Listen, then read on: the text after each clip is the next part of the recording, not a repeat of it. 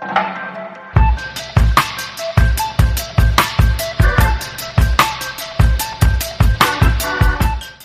allemaal, fijn dat jullie nog steeds zijn gebleven voor de derde aflevering van de Global Goals podcast. Het enige wat bijzonder is aan vandaag, nou ja, het is sowieso heel leuk, maar dat we ook twee gasten hebben, die gaan zich dadelijk voorstellen.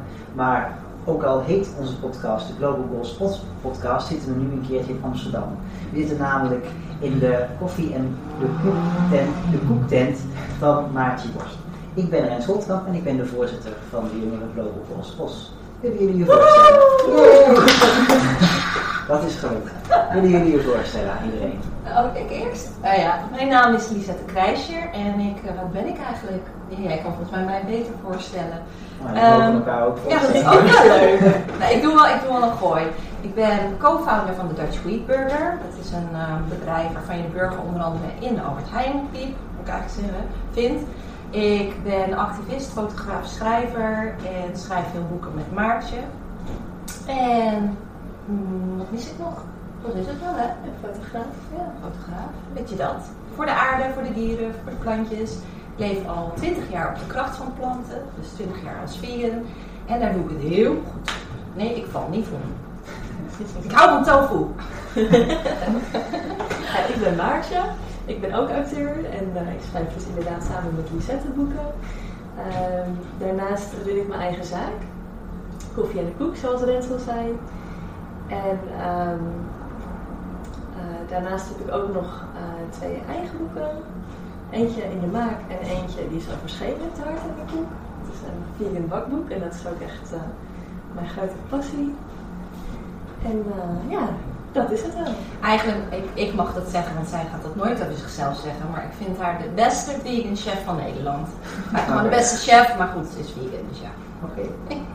En normaal gesproken zit ik met de andere host. Maar nu hebben we iemand anders, die gaat zich ook voorstellen. Ja, ik ben Lolle en ik ben ook lid van de Global Goals en vandaag ben ik jullie host. Oké, okay, ja. Wat leuk. Normaal gesproken zou Snee wat zijn, maar die kon er niet bij zijn, dus we hebben een hele leuke vervanging. En um, nou, Roma gaat verder met het volgende. Ja, we beginnen altijd een beetje met vertellen wat er uh, in iedereen's leven ongeveer speelt. Dus ik begin wel even bij mezelf. Ik kom net uh, terug uit Parijs van vakantie. Grote angst overwonnen, want uh, helemaal boven op de Eiffeltoren geweest, ondanks mijn hoogtevrees. Dus daar ben ik heel blij mee. Oké, okay. nou dan ga ik denk ik verder. Ik heb net een introductiedagen gehad van de universiteit. Ik ga Environmental Sciences doen in Wageningen. En na de introductiedagen heb ik er nog meer zin in dan voorheen. En dat begint over een week, dus daar heb ik heel veel zin in. En jullie? Superleuk. Nou, ik ben me nu volop aan het voorbereiden op het moederschap, want ik ben hoogzwanger. En uh, dat, ja, dat nu wel het meeste van mijn leven in beslag. En het afronden van mijn nieuwe boek.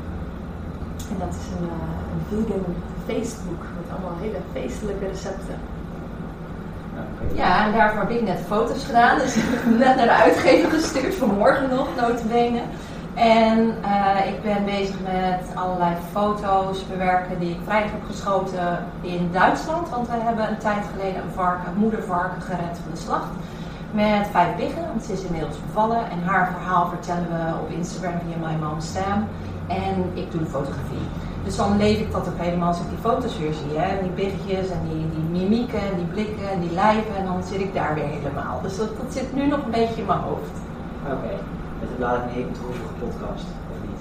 Nee, ze zijn heel vrolijk. Oh, Oké, okay, dat is Ja, ja, ja. Nee, ja, dat zijn heel best pijn. Ja, dus ze het het heel goed nu. Okay, het verhaal is sowieso pijnlijk. Ja. ja. ja, want ze komen ergens vandaan. Maar ze zijn nu in ieder geval, zij zijn gered. Deze specifieke. Deze specifieke, en miljoenen anderen niet. Nee, nou, dat is natuurlijk wel En uh, nou, jullie hebben net al heel even kort voorgesteld, maar er kwam al meteen heel veel activiteiten kwamen al naar buiten. Um, kunnen jullie iets meer tijd nemen in het voorstellen en wat jullie precies allemaal doen en om iedereen beter te laten kennen? Ja, zeker. Nou, sowieso onze gemene delen, als ik zo vrij mag zijn, Maart, is dat we echt uh, strijden, op missie zijn om de plantaardige keuken aantrekkelijk voor de wereld te maken, voor alle buiken, alle monden. En dat deze keuken in een positiever daglicht komt te staan, want data is er. Is er dat bewijst dat het goed is voor het milieu, voor de dieren, we brengen het dierenleed omlaag. en voor onze eigen gezondheid. Maar er is ook heel veel weerstand in de wereld om dat te accepteren.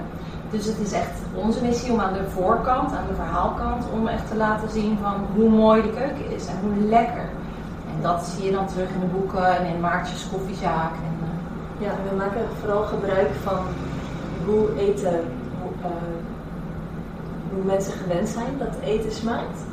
En die smaken proberen we terug te brengen in het eten. En zodat je niet op de beleving hoeft in te leveren. Dus als jij een hele lekkere gehaktbal van je moeder gewend bent, dan kan je dat ook vegan maken en diezelfde beleving daarbij hebben.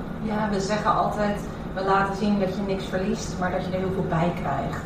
En het is een beetje aan ons, vinden wij, om te laten zien wat dat dan is wat je erbij krijgt. Ja. En dat je inderdaad nergens hoeft in te leveren. Ja. En, ja, en het kan ook gewoon een hele lekkere nieuwe soort maaltijd zijn. Iets, iets veel moderners. Maar er zijn ook mensen die juist heel erg behoefte hebben aan die comfort. En, en die hun geluk en comfort echt uit eten halen en uit eetherinneringen. En die mensen willen wij ook graag ondersteunen. Ja.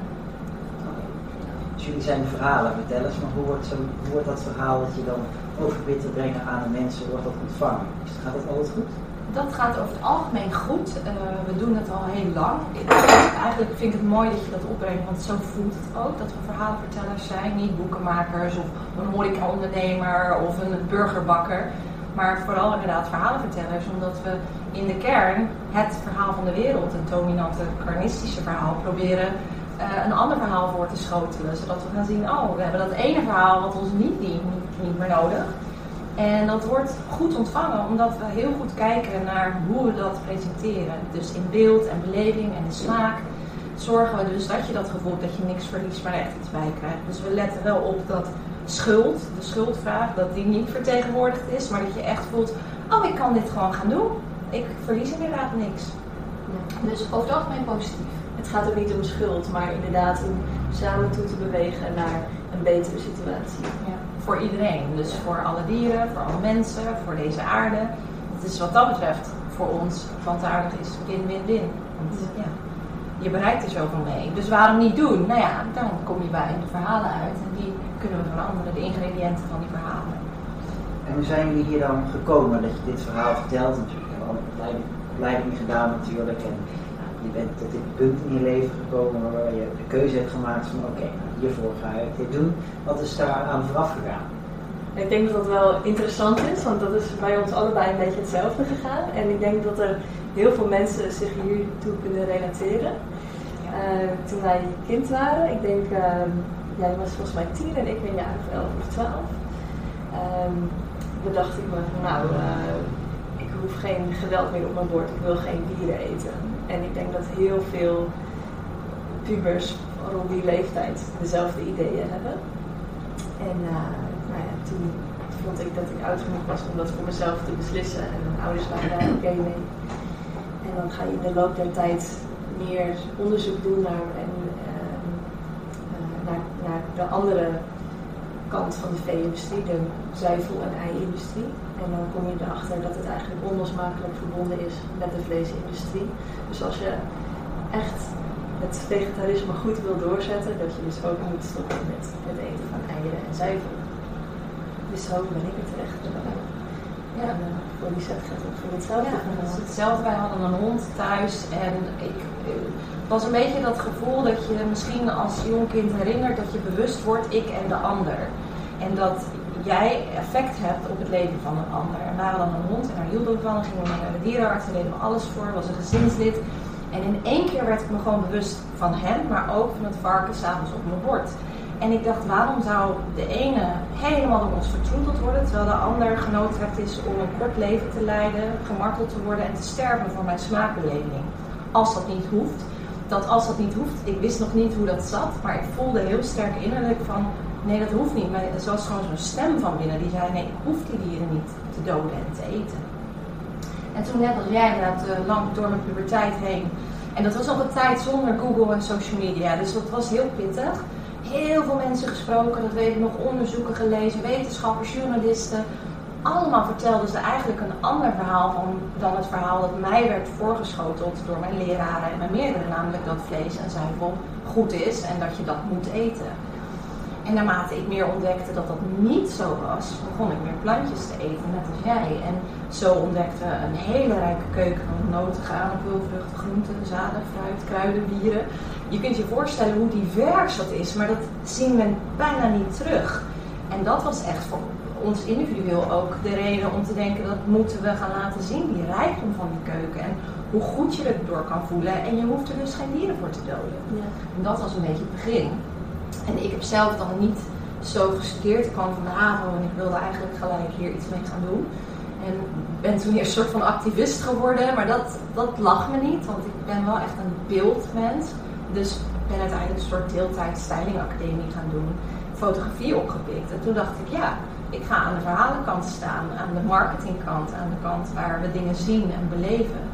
En ben toen uh, vegan cupcake bedrijf gaan beginnen. En daar heb ik jou eigenlijk ontmoet. Want jij ging ook allemaal lekkere dingen maken. Ja, klopt ja. En later is het cupcake bedrijf een Dutch Reaper bedrijf geworden. Dus de oven werd een grillplaat. En toen begonnen we op festivals te staan en burgers te grillen voor festivalgangers. En daar, daar ontmoet je zoveel mensen. Dus konden we ook het gesprek aangaan. En dan had je bijvoorbeeld mensen die zeiden: Ik mot geen veganisme, ik mot niks van, uh, van wat jullie doen. Dan zei ik, goh, eet je wel eens broccoli? Ja, tuurlijk eet ik wel eens broccoli van aardappel. Nou, dat is al plantaardig. Ga die burger even proeven. Als je hem niet wil, dan hoef je niet te betalen. Als je, of als je hem hebt gegeten en hij is niet lekker, dan hoef je hem niet te betalen. Ze kwamen allemaal terug om een muntje te, te betalen, omdat ze het gewoon hartstikke lekker vonden. En daarmee hadden ze een, een fijne ervaring van plantaardig voedsel. Dus het begint wel echt bij de ervaring, dat was duidelijk. Ja, en het verhaal was ook heel goed, want ik weet nog wel dat die officiële burger nog niet eens bestond. En dat mensen al vroegen, waar kan ik hem kopen? Waar kan ik hem kopen? Ja, dus, dus je moet inderdaad, we, moesten, we waren soms iets te snel, iets te ver vooruit met het verhaal. En dan kwam het eten erachteraan, zeg maar. Ja. Maar dat zat op zich wel Lang is het al geleden dat je een vegan burger in de winkel kan kopen? Waar Ja, die schrik nou, in eh, af? Toen, ik vegetarisch ging eten, toen lag het al wel in de winkel, maar eentje. En dat Ja. was dan met van die ertjes en Ja. maïs erin. Ja, ik ben iets ouder. Dus voor in de jaren 80, nee, in de jaren 90 was dat, maar in de jaren 80 had je ook al gewoon die vormzaken met alternatieven. Maar die alternatieven zijn niet te vergelijken met wat je nu natuurlijk in de supermarkten vindt. Ja, want ondertussen, bij sommige supermarkten is het vegaschap ondertussen groter dan het vleeschap. Ja, ja dat is Nou, misschien niet bij elkaar opgeteld de vleeswaren en eh, vlees voor avondeten, zeg maar. Ja. Maar Ja. het, het, eh, qua avondeten zie ik soms wel dat het vegaschap het aan het winnen is. ja, er is echt, er vindt nu verschuiving plaats. Ja, Ja. dat is mooi. Dus zo is het een beetje ontstaan allemaal en dat bracht ons ook bij boeken schrijven. Ja, en ik weet ook nog dat eh, de laatste dag dat ik vlees at, dat was een broodje met een vleeswaar erop. En ik zag mezelf letterlijk met een schaaf zo'n plakje van een koe afschaven. En dat vond ik zo'n freaky gedachte dat ik dacht, nou dit, ik, ik wil dit echt niet meer. Ja, en weet je wat het is? Het is ook, eh, die, die beeldende belevingen zijn heel belangrijk. En daarom ben ik ook voorstander dat je kippen leert kennen, dat je varkens leert kennen, koeien leert kennen. Ze in de ogen kijkt, met ze omgaat, ze ziet opgroeien. Want dan pas zie je hoe hetzelfde we allemaal zijn. En ik ben dat gaan doen. Ik ben contact gaan leggen met dat is handig je foto- fotograaf. Dan neem je je camera mee en dan heb je gewoon een excuus en dan kom je overal binnen. En zo ben ik heel veel dieren gaan fotograferen. En kwamen ze dus bij me op schoot. Pas nog was ik ergens, daar kwamen allemaal schapen naar me toe rennen. Die over me heen en een lik in mijn wang en een, snuf in mijn oor. En nou, dat is zo leuk. En dan kijk je naar zo'n schaap en dan denk je, de gezegden zijn vaak hè, zo van, ja, als een schaap over de dom is, dat is hem toch. Maar dat, dat is alsof ze heel dom zijn en een beetje aan, Ja, voor zich aan. schaap over de dam is, volgt de rest vanzelf. Volgt de rest vanzelf. Ook een gezegde waar, waar mensen ook aan voldoen. Idee dat je Sure, hetzelfde dat zijn. Dus op zich is die nog wel... Hij van gaat wel, mensen er nog wel hetzelfde. van dat ze daas kijken of zo. Dat, hoor je ik ook. niet, die ken ik niet. Nee. Nou ja, in ieder geval zijn ze heel leuk. Ja. Want jullie hebben ook samen een boek geschreven. Ja. Meerdere zelfs. Ja. Eh een van van Nanny Plans, die hebben hier ook op tafel staan. Kun je iets meer over jullie boek vertellen? Absoluut. Ja, Many Plants, dat is een eh, heerlijk boek vol ja, een beetje stoere recepten, zou ik het eh, willen omschrijven. En ehm, het komt eigenlijk voort uit een best wel groot maatschappelijk thema. Namelijk dat er een genderidentiteit aan eten zit.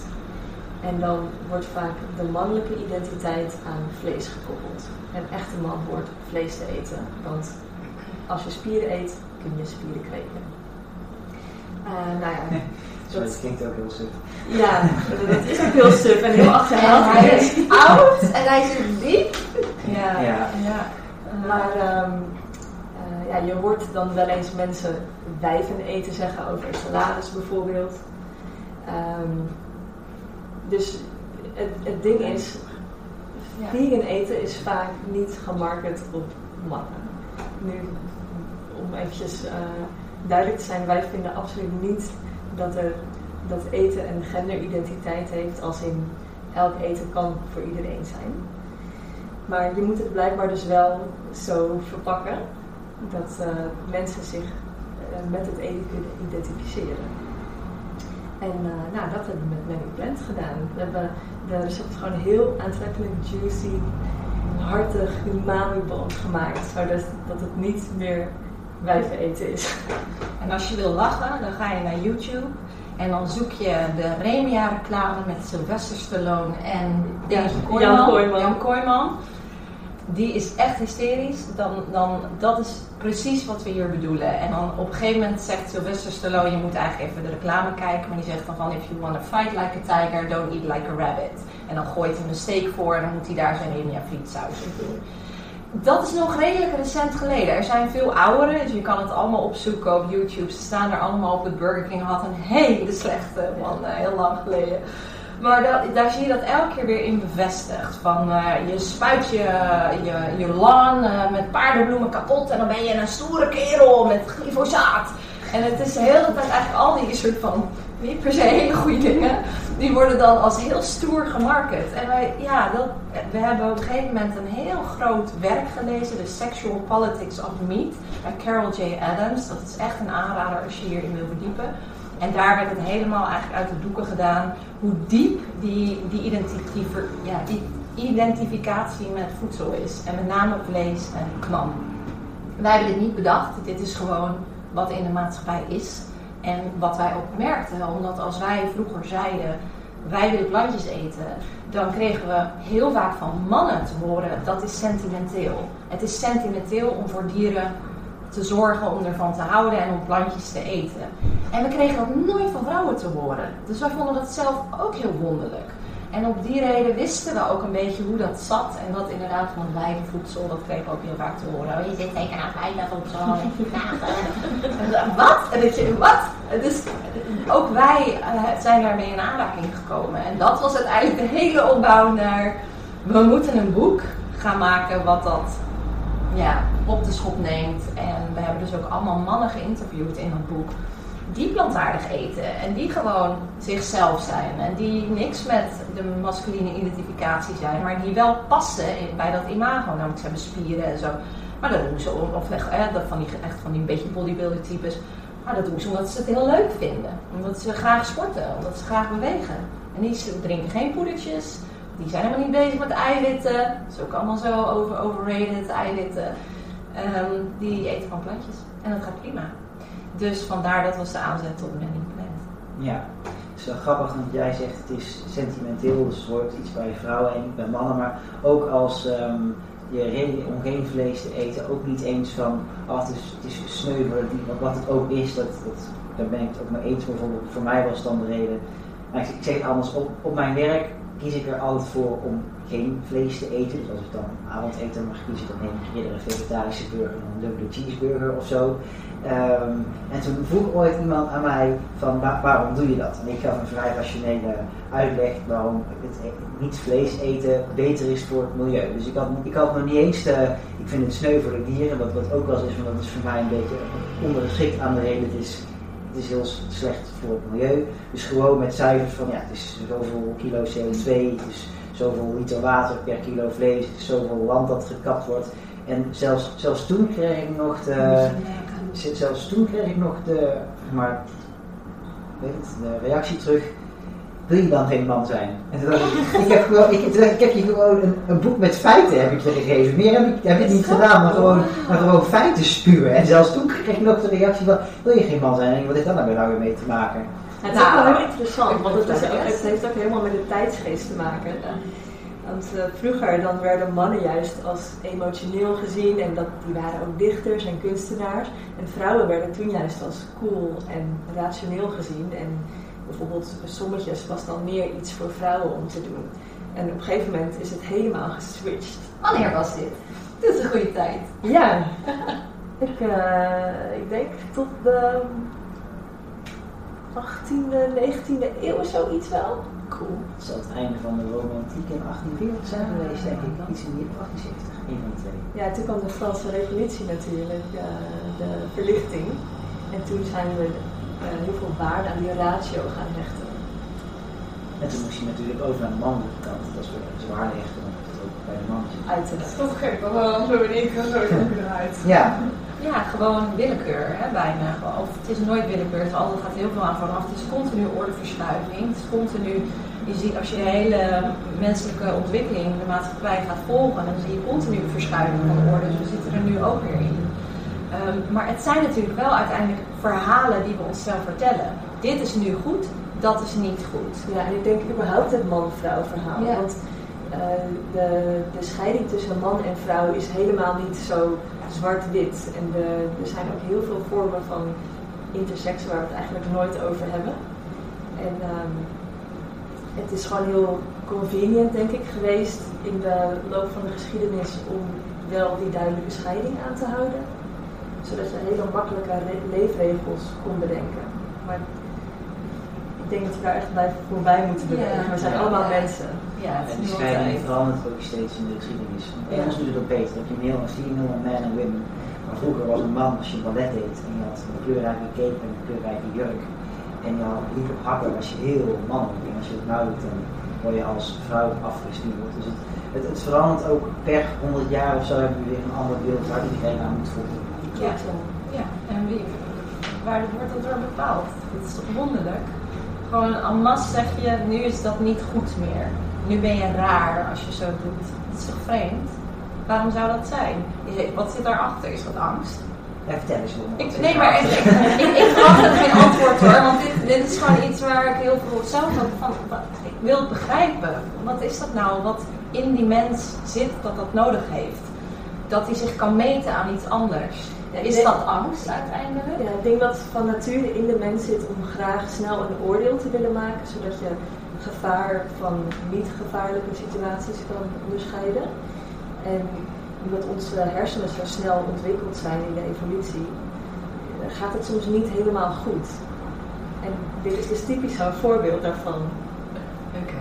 Ja, Dan ik denk dat het soms makkelijk is om mensen in een hokje te plaatsen. En dan natuur wel Ja, snel doen. precies. En dan heb je gewoon meteen een oordeel van, oké, die hoort daar, Dat dat, is goed, dat dat kan ik daar plaatsen. Ja, Ja, ja, precies. dit Nou, is een veilige situatie. Of juist zo dus. Zo zijn we dus de hele tijd bezig met het te begrijpen, proberen te begrijpen en doorgronden van de menselijke maatschappij. Want de menselijke maatschappij is natuurlijk niet de natuur, want die heeft zijn eigen natuurwetten. Maar we zitten met onze benen in de menselijke maatschappij met eigen wetten. En dat is geen voortzetting van de natuur. Dat vind ik ook altijd wonderlijk. Nou goed, dit wordt een hele filosofische podcast zo. Ja, ja. Dat, is, dat is niet zo heel erg. En tegelijkertijd zijn wij ook de natuur. Dat zijn we ook, ja. Ja. Dus wat is dan alles de wat wij doen en denken, dat is eigenlijk ook Ook onderdeel natuur. van de natuur. Het is zo complex. Goed, terug naar. eh, Ja, dat was jullie boek Man gepland, maar jullie hebben laatst ook het boek Family Uh, Ja. Wat was daar dan het idee van? ja. Nou ja, net als dat, eh, dat mannen zich dus niet altijd kunnen identificeren met vegan voedsel, heb je ook heel veel families die zeggen, maar hoe krijg ik dan de rest van de families mee? Want eh, dus 80% van de vegans is geloof ik vrouw. Ik weet niet of het nog steeds zo is, want het, het is wel een beetje aan het veranderen, heb ik het idee.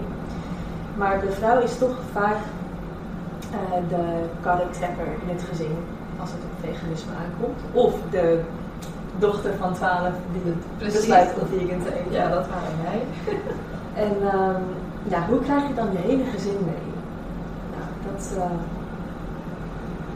zoals Lisette al zei, je hebt zoveel heerlijks in het plantrijk waarmee je kunt koken. Dus eh, wij hebben recepten bedacht met al dat heerlijks uit het plantenrijk, waar je je hele gezin lekker mee kan verwennen. En dan moet je denken aan stoofschotels, overschotels, salades, kistjes. Het ziet er ook heel lekker uit. Ja, echt zo van die grote schalen wat je voor een heel gezin lekker op tafel kan zetten. Ehm, en tegelijkertijd zit hier natuurlijk ook weer een maatschappelijke lading aan, want het woord familie betekent meer dan alleen maar een gezin bestaande uit man, vrouw en twee kinderen. Of weet ik het hoeveel kinderen. Maar dat, eh, dat kunnen allerlei vormen van familie zijn. Je hebt ook van heel veel families zonder kinderen of mensen met een zelfgekozen familie. Mensen met dierlijke kinderen bijvoorbeeld. Ik ken heel veel mensen die hebben hun honden en daar, die zien ze echt als hun kinderen. Ja, ik ken mensen die hebben hele sanctuaries met koeien en varkens, dat zijn hun kinderen. Daar zorgen ze voor, daar houden ze van. Dus wie bepaalt wat een gezin is? Ik kreeg ooit te horen, omdat ik een hond en een vriend had, dat ik niet een gezin had. Nou, dat vond ik echt heel kwetsend. Wat? Dat is mijn gezin. Dus dat was al een aanloop van, hmm, hier moeten we iets mee. Want de, anno nu is dat dus een veel diversere samenstelling dan wat we misschien gepresenteerd zien in de reclames. Dus moeten we dat niet een beetje gaan helpen opbreken? Eh, Je, je kiest het inderdaad zelf of, of, en dat is niet standaard. Per se hoeft het niet te zijn.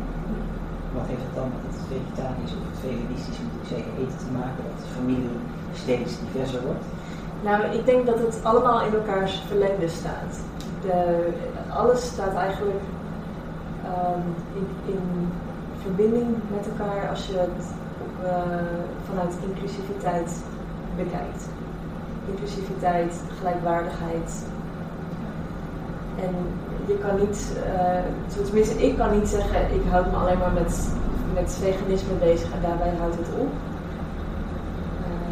En dan kom je denk ik ook weer bij die maatschappij uit. Ja. We zijn ook mens in een complexe maatschappij. Een samenstelling van mens en dier en bomen en van alles. Dus alles raakt elkaar. En dan plantaardige voeding kiezen. Dan weet je in ieder geval dat je zoveel mogelijk van die soorten dient. Eh, de dieren en ook de mensen. En dat kun je heel ver doortrekken door te kijken naar watervervuiling, luchtvervuiling, meer voedsel omdat je plantaardig gaat eten, waardoor er meer voedsel is op aarde. En dan kunnen we gaan kijken naar voedselverdeling. Eh, dus eh, het raakt heel veel van die.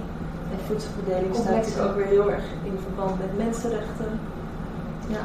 Ja, dus het is complex, maar eh, we trachten dat wat minder complex te maken door in ieder geval mensen te kriebe- krie- kriebelen van het houdt niet op als jij vegan bent of plantaardig wil eten, dan kun je dus de rest van je familie meenemen. En als je dan denkt het is duur of waar kan je dat vinden, dan hebben we ervoor gezorgd dat het allemaal laagdrempelige ingrediënten zijn die je in principe overal kunt vinden. En wat tips van als je met de seizoenen mee gaat, gaat koken, dan kan dat ook weer voordeliger Of zijn. als je laat thuis bent uit je werk en je Ja. niet zoveel tijd hebt, lekker snelle recepten. Ja. Maar ook als je juist op zondag je gezin lekker wil verwennen en wel die lekkere kies wil maken. Ja. Ja. Oké. Dat hoor ik heel vaak. Mensen zeggen, "Maar ik heb er geen tijd voor of ik heb er geen... Dan moet je nadenken over wat je dan gaat doen en waar, waar haal je het dan vandaan. Dus het zijn denk ik vaak praktische bezwaren. Die gebruiken mensen denk ik ook als excuus gewoon om het niet te hoeven doen. Maar ik geloof ook wel dat mensen er ook echt moeite mee hebben dat ze dan ook iets anders moeten gaan doen. Sommige mensen Anders is heel belangrijk. Ja, anders is heel ingewikkeld. Dat heeft met alles te maken. Alles wat anders is.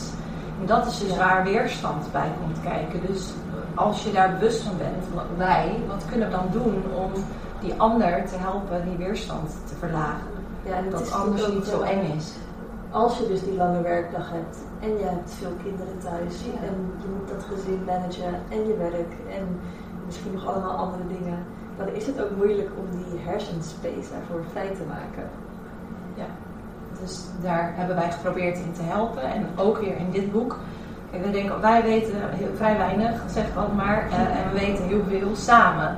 Dus we hebben allerlei families, gezinnen geïnterviewd om hun verhaal te horen. Hoe zij dat doen als plantaardig gezin. En dat zijn ook weer gezinnen in alle soorten samenstellingen die je maar kan bedenken.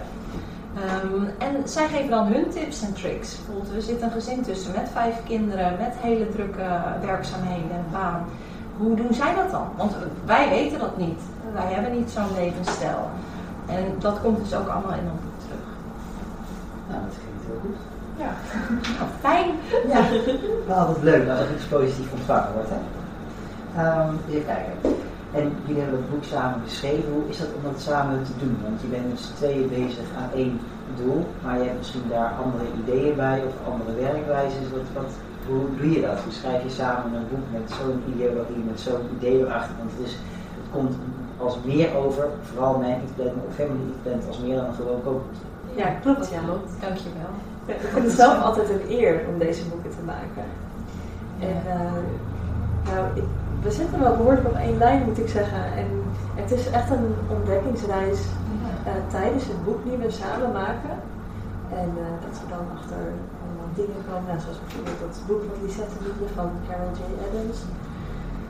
En ehm, ja, daar, op die reis worden we dan meegenomen en, en Ja. vaak komen we wel tot dezelfde conclusies eigenlijk. Ja, het is eigenlijk door jouw vragen besef ik me pas hoe, hoe makkelijk het altijd gaat. Ik zal je gewoon vertellen, het was heel simpel. Ik had een vegan cupcake bakkerij en ik stond op een markt ergens, op een voedselmarkt. En ik had contact gehad, jij had contact met mij, ik had contact met jou, dus ik weet het niet meer. Maar we gingen een kraampje samen delen. Toen kennen we elkaar nog niet. En jij kwam daar en ze stalde al haar lekkernijen uit. En ik keek naar links en hier stond een vrouw die vegan voedsel op dat moment naar een veel hoger niveau had getild voor de wereld. Het was namelijk zo goddelijk en bijzonder. Ik wist gelijk wat mijn plek was. Namelijk, ik hoef niet meer te bakken. Want er is hier iemand die dit zo goed kan. Ik mag nu, want we hebben het wel eens geschreven, een voorwoord ergens. Ik kan die pollepel aan haar geven en ik kan gaan fotograferen wat ik altijd al wilde en wat altijd in mijn bloed zat. Dus er was gelijk instantly eigenlijk een hele mooie verdeling vond daar plaats. Waar we ons heel erg thuis bij voelen. Dus het daar ook een beetje begonnen daar op de markt. Het is op de markt begonnen. Ja, ja, het is echt op de markt begonnen. Ik dacht echt, wow, deze persoon. Ik ben, was helemaal flabbergasted, omdat tot die tijd was, werd veganisme toch wel een beetje gepresenteerd als, als soort ja, grauwe manier van leven. Terwijl dat was het niet, maar zo werd het gepresenteerd. We deden allemaal heel erg ons best om dat ook weer een, een andere input te geven. Maar daar was Maartje, naast mij.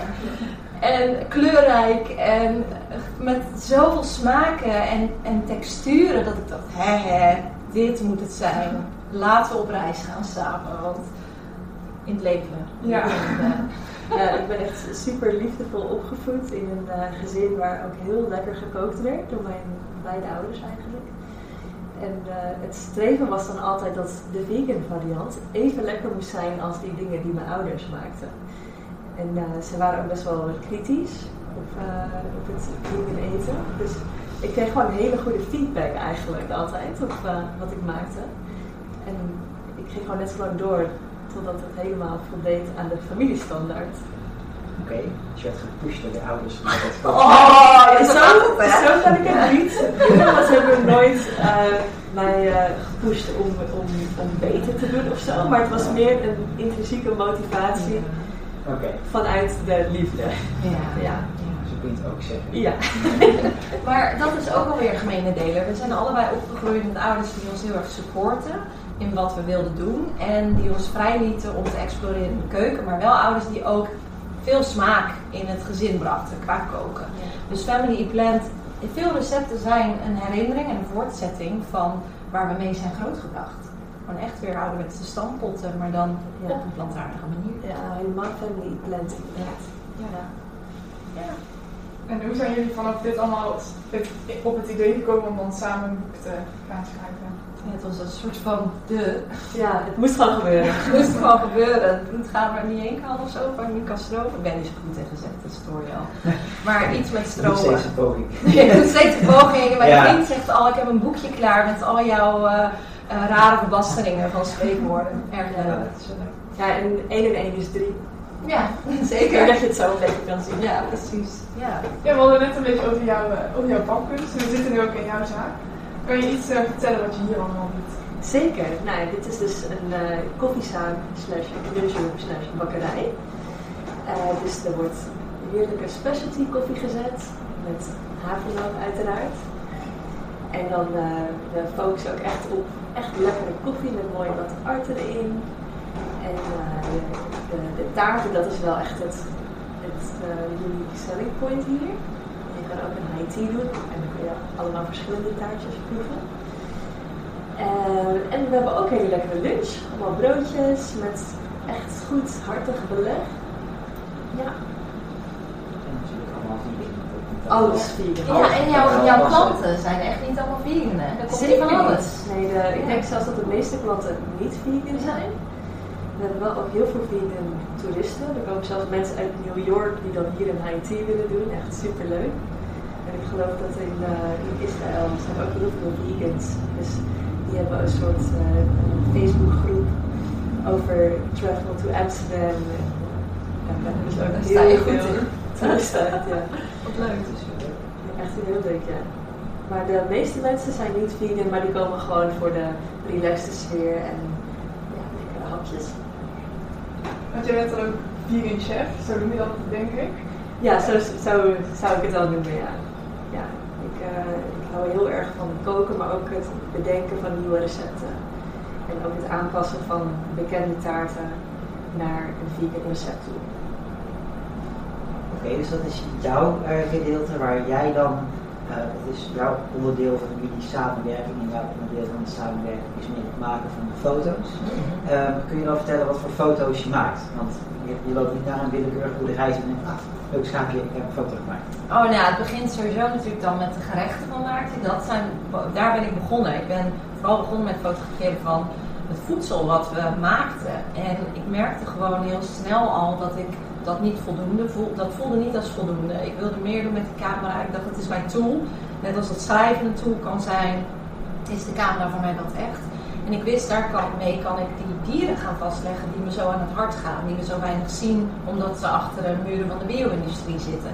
Wie zijn ze eigenlijk? Die dieren die je meestal pas in de supermarkt vindt in een plastic verpakking. Zijn we het ze niet, ehm, moeten we ze niet ook leren kennen als we hun leven ontnemen? Dus toen dacht ik, oké, maar ik ben een heel gevoelig mens, dus ehm, bijvoorbeeld dierenrechtenactivisme als in naar het slachthuis gaan, dat, dat ligt mij niet goed. Dan krijg ik nachtmerries, want dan zie ik al die dieren die me zo aan het hart gaan extreem lijden. Dus dacht ik, waar kan ik dan wel een verschil maken? En toen ben ik sanctuaries gaan helpen. Dus dat zijn plekken in Nederland die dieren redden van de slacht en dan opvangen en hun eigenlijk een natuurlijk, natuurlijk tussen aanhalingstekens, want het is nooit helemaal natuurlijk, maar een vrij leven bieden. En ik ben hun gaan fotograferen, zodat het mijn eigen hart een beetje verzachtte. En ik kon ze ook op die manier goed leren kennen. Dus ik kon de karaktereigenschappen van bepaalde varkens leren kennen, of schapen, of geiten, of koeien, of kippen. En dat is toch wel heel erg mooi, want die lens wordt door zo'n dier vaak als een oog gezien. Dus ze zijn super geïnteresseerd. Ze komen al heel snel naar dat, dat oog toe. Niet zozeer naar mij, maar naar het grote zwarte oog. En dat is mijn eerste contact. En dan ga je zitten met zo'n camera en dan foto's maken. En dan ontvouwt zich daar een wereld die ik niet op school heb geleerd. Namelijk dat we het hier hebben over voelende wezens die elkaar namen geven en die met elkaar kwebbelen. En Kwabbelen is een heel mooi boek geschreven, Dierentalen, door Eva Meijer. En zij heeft een onderzoek gedaan naar de communicatie van allerlei soorten dieren. En dat begin je dan ook te zien als je ze zo dichtbij aanschouwt. Van, oh ja, ze hebben voorkeuren. Ze willen bepaalde dingen niet. En je hebt in een groep van varkens eentje die inderdaad meer loner is. En eentje die heel graag bij mama is. En eentje die niks liever wil dan gekriebeld worden. En je ziet dat ze bepaalde mechanismes hebben om problemen op te lossen. En als je dan bepaalde studies gaat nalezen, dan wordt dat altijd bevestigd. Hebben we de studies nodig om voor ons te bevestigen dat dieren levende wezens zijn? Of weten we het diep van binnen allemaal al? En ik hoop met de foto's mensen te laten zien dat we het hier hebben over wezens die eigenlijk niet zo heel veel verschillen van ons. Waarom zouden ze dan eten? Dat is eigenlijk mijn, mijn hoop met deze camera in mijn hand. Ja, Een beetje de boodschap die jij wil eh, overbrengen aan de Ja, mensen. ja, de verbinding leggen. Die ik als jong meisje zelf legde, zonder dat iemand me dat hoefde te vertellen. En dan hoop ik dat die camera dat ook een beetje kan doen voor ofwel jonge meisjes van 12 net als ik, of gewoon voor iedereen. en het grappige, of nou grappig, het is niet grappig, het is meer sneu, maar als je dan van dat soort onderzoeken leest en je ziet er foto's van allemaal bewijs is dat dieren ook emoties hebben en ook intelligent kunnen zijn ook nadenken, dan hoor je heel vaak van een heel groot deel van de samenleving, ja, maar dat zit gewoon in het DNA of het is gewoon genetisch of ik veel. Er zijn allemaal andere redenen die je dan zouden kunnen leiden dat die dieren emotioneel, sociaal gedrag vertonen wat niet echt emotioneel en sociaal is. En die mensen gebruiken dan wel die argumenten van ja, maar het is genetisch en bla bla voor dieren. Maar diezelfde argumenten die zijn exact op, toepassing op mensen. Ja, Dus mensen ze gebruiken ook een heel scheef eh, beeld. Want bij mensen kun je ook zeggen, ja, maar al onze emoties zijn ook genetisch. Dus of je zegt van het is allebei niks, of wij hebben ook niet echt emoties, of je zegt het is allebei wel. Ja, maar mensen meten met een hele scheve meetlat, een hele scheve metingen en hangen er hele andere waarden aan, omdat Ja. het niet, ja, het is niet zo herkenbaar als, als, een, als een mens. Maar het is natuurlijk heel comfortabel om die meetlat te gebruiken. Ja, dat is waar. Want wat nou als we dus inderdaad gelijk hebben? Zo. Het is hetzelfde. Dan zijn daar dus consequenties aan verbonden. Moet je veranderen. Ja.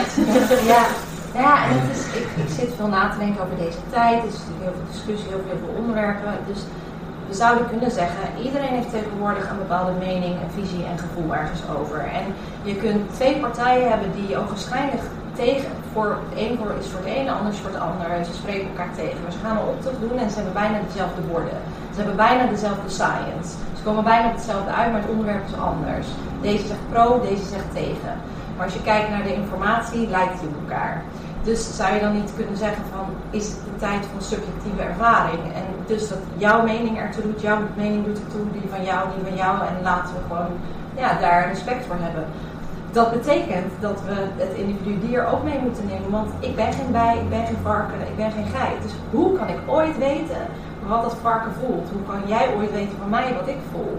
Dus dat alleen al is voor mij voldoende om te zeggen, hij heeft, zij heeft recht om te bestaan. Wie ben ik om dat recht weg te nemen? Dus ja, daar begint het. Ja. Er is een heel mooi boek, dat wil ik graag tippen. Als mensen denken, Veel boekentips. Waar, waar heeft het kind het toch over? Ik heb hem net uit. Hij, hij is al oud. A Pig Who Sang to the Moon.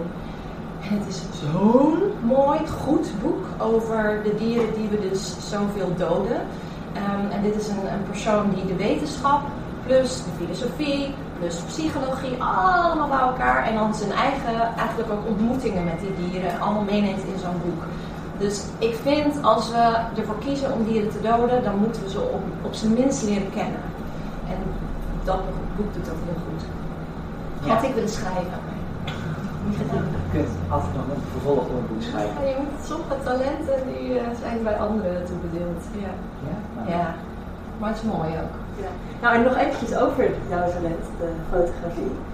Want volgens mij ben jij het ook gaan doen omdat het eten verdiende gewoon mooiere foto's dan tot dan toe in de vegan scene gemaakt werden. Wauw. Nou, En eh, dat is wel heel lief. ja, jij, jij bent wel een van de vegan godmothers van Nederland zeker. En jij hebt vegan echt naar een hoger niveau getild. Mm, Dank je. ja. Een denk- mooi compliment. Ja, zeker. Ik denk dat we met zo'n zo'n mooie compliment in ieder geval de inhoud een beetje gaan beginnen af te sluiten. We hebben nog wel wat dingetjes eh, te doen, dat, dat wel.